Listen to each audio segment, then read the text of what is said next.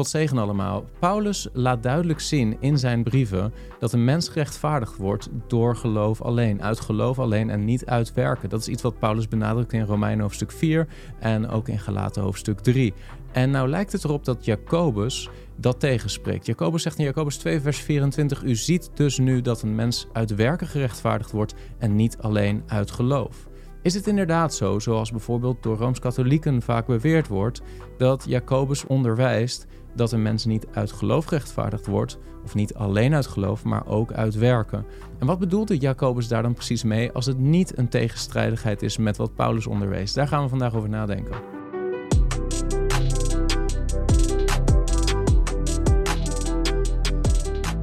Het geloof van Abraham wordt veel aangehaald in het Nieuwe Testament. Onder andere door Paulus, maar ook door Jacobus. En interessant is als we kort even stilstaan bij het verhaal van Abraham, dat in Genesis hoofdstuk 15 we een veel geciteerd schriftgedeelte tegenkomen. In Genesis 15 vanaf vers 5, daar lezen we: Toen leidde hij, in de context is hij is God, toen leidde hij hem, hem is Abraham, naar buiten en zei: Kijk toch naar de hemel en tel de sterren als u ze kunt tellen.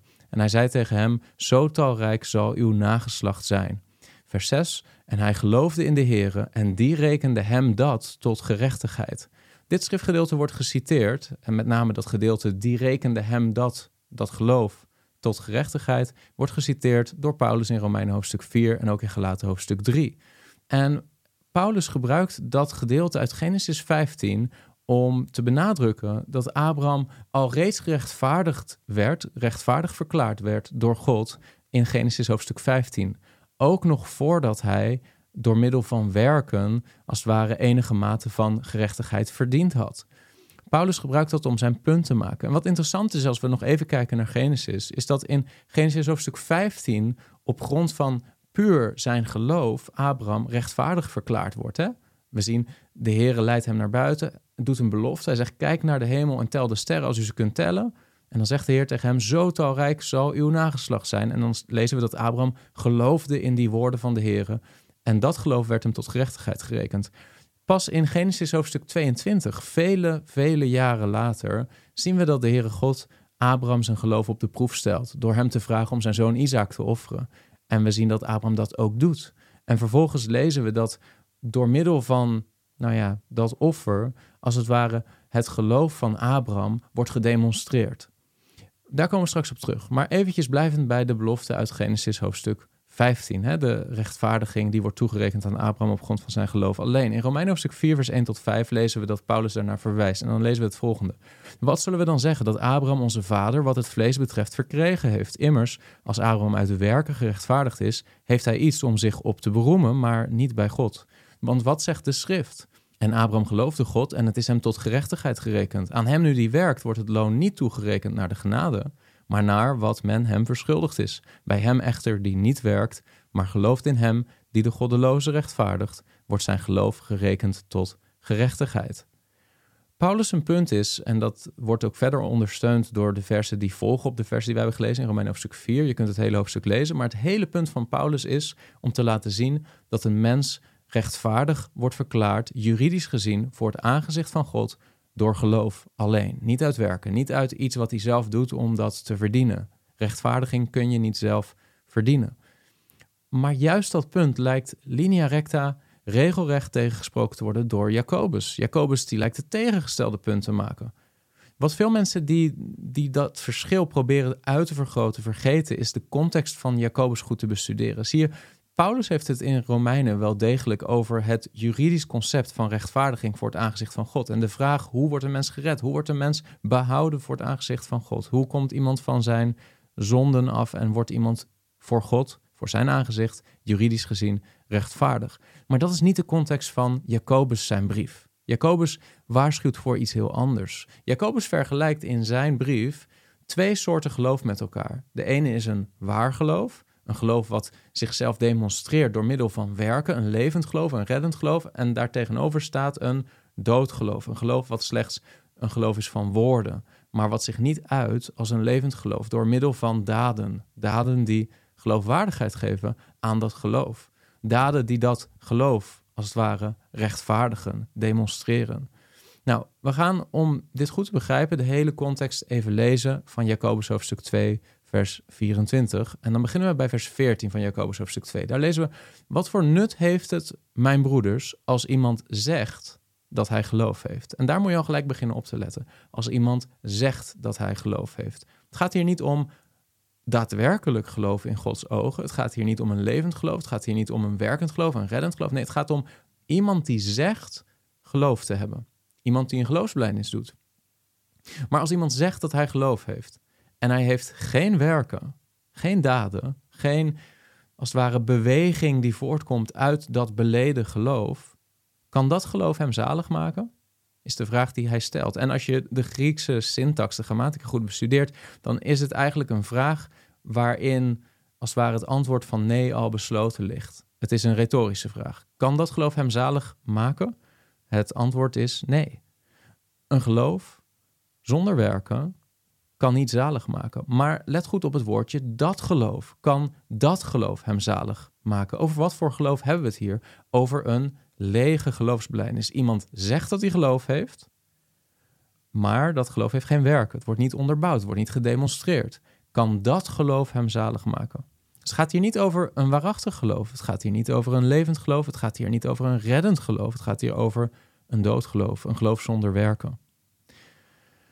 Paulus leert ook dat een waarachtig levend geloof, zoals God dat geeft aan ware gelovigen, een geloof is wat niet stilzit. Een geloof wat niet zonder werken is of op zichzelf blijft staan. Maar let goed op wat Paulus onderwijst in Efeze hoofdstuk 2, vers 8 tot 10. Daar staat, want uit genade bent u zalig geworden door het geloof. En dat niet uit u. Het is de gave van God, niet uitwerken, opdat niemand zou roemen. Dus let goed op.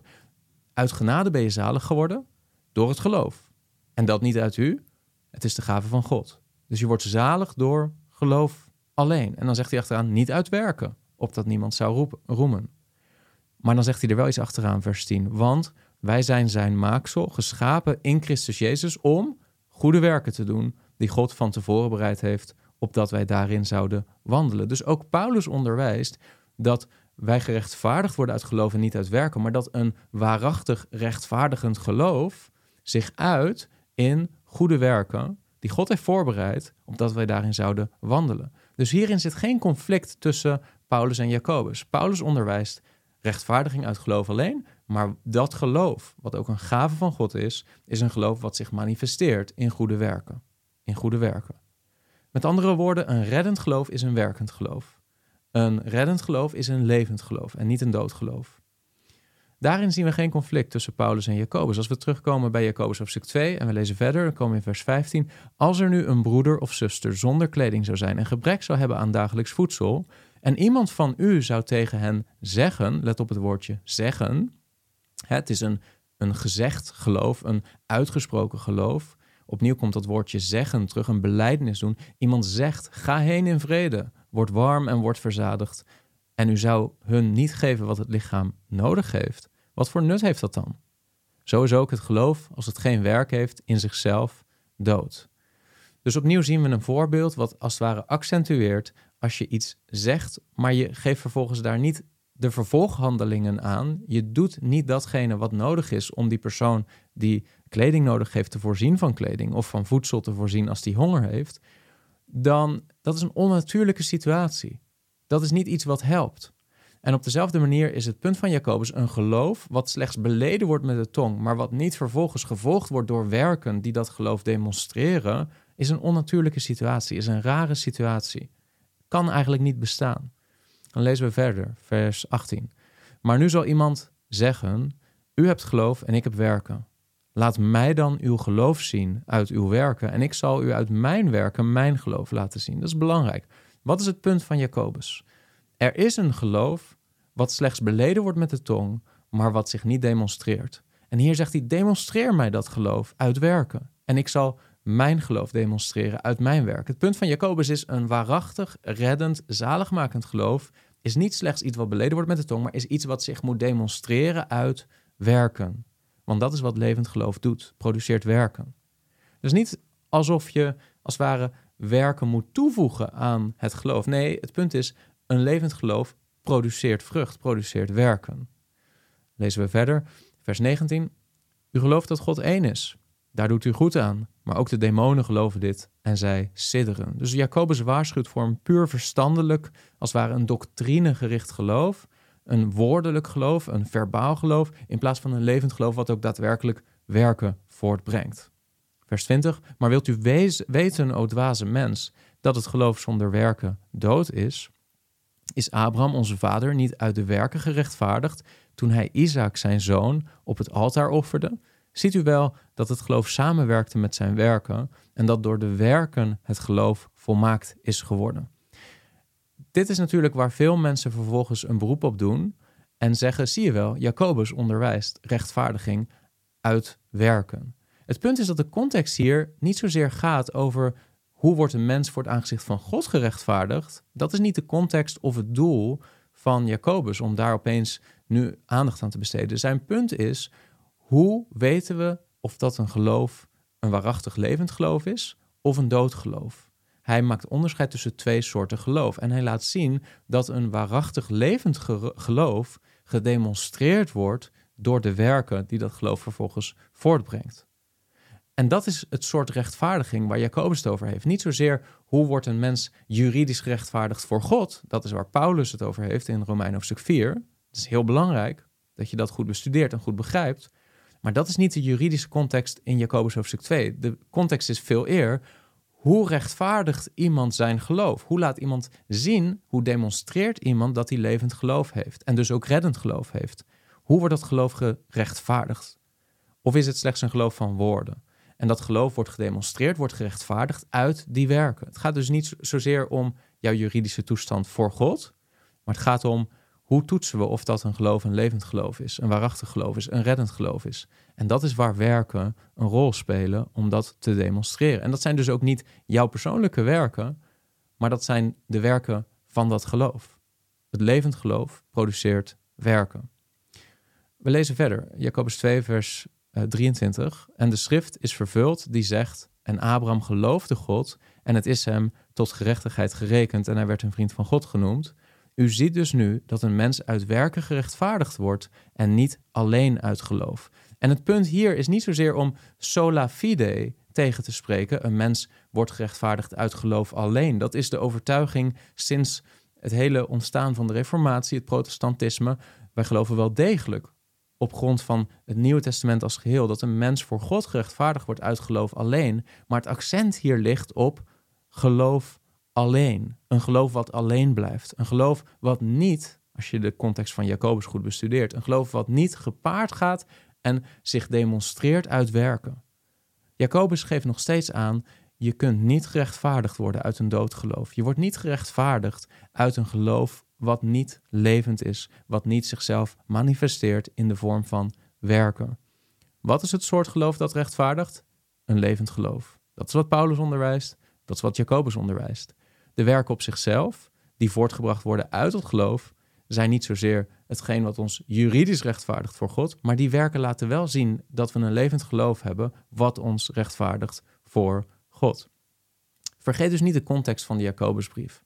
Uh, het is niet zozeer dat Jacobus als het ware een andere visie op um, rechtvaardiging door geloof presenteert dan Paulus. Nee, hij probeert een ander punt te adresseren. Er is in het publiek wat hij adresseert, is er hypocrisie? Is er een soort geloofsbeleidenis die leeg blijft, die niet levend is, die niet verandering teweeg brengt in iemands leven? En zowel Paulus als Jacobus onderwijzen dat een waarachtig geloof een geloof is wat ook levensveranderend werkt. Wat ook met werken vervolgens gepaard gaat en zichzelf op die manier betoont. Dat is de leer van Jezus, het is de leer van Paulus, het is de leer van Jacobus. Een mens wordt gerechtvaardigd door God en voor het aangezicht van God uit geloof alleen. Niet door eigen werken, maar een levend, reddend geloof is een geloof wat werkt en wat werken voortbrengt. En dat is hoe je Jacobus hoofdstuk 2 kunt harmoniseren met Romein hoofdstuk 4 en met Gelaten hoofdstuk 3 en met wat het onderwijs is van onze Heer Jezus Christus. En dat is niet een onnatuurlijke manier om al die dingen te harmoniseren, maar dat is simpelweg de meest contextueel trouwe manier om te laten zien wat wil Jacobus eigenlijk zeggen en wat wil Paulus eigenlijk zeggen. En de mensen die proberen Paulus en Jacobus tegenover elkaar te stellen, alsof ze elkaar tegenspreken, doen dat vaak door beide auteurs uit hun oorspronkelijke context te halen, een nieuwe context te creëren en hen allebei in hun woorden in diezelfde zelfgecreëerde context te plaatsen, zodat er een contradictie ontstaat. Maar wanneer je dat doet, respecteer je niet de goede regels van exegese, van Bijbelverklaring. Je zult in hun eigen context Jacobus en zijn woorden moeten bestuderen en Paulus en zijn woorden in de Romeinenbrief en de Galatenbrief. Om vervolgens te zien dat Jacobus niet zozeer Paulus tegenspreekt, of eigenlijk helemaal niet Paulus tegenspreekt, maar dat Jacobus simpelweg laat zien: een reddend geloof is een levend geloof, is een geloof wat zichzelf demonstreert uit werken. En dat is wat de Bijbel onderwijst. En dat is wat Paulus onderwijst. En dat is wat Jezus onderwijst. Ik hoop dat je wat hebt gehad aan deze video. God zegen. Was deze video nuttig voor jou? Druk dan op like en wil je vaker dit soort apologetische video's zien? Abonneer je dan op dit kanaal. Tot de volgende keer.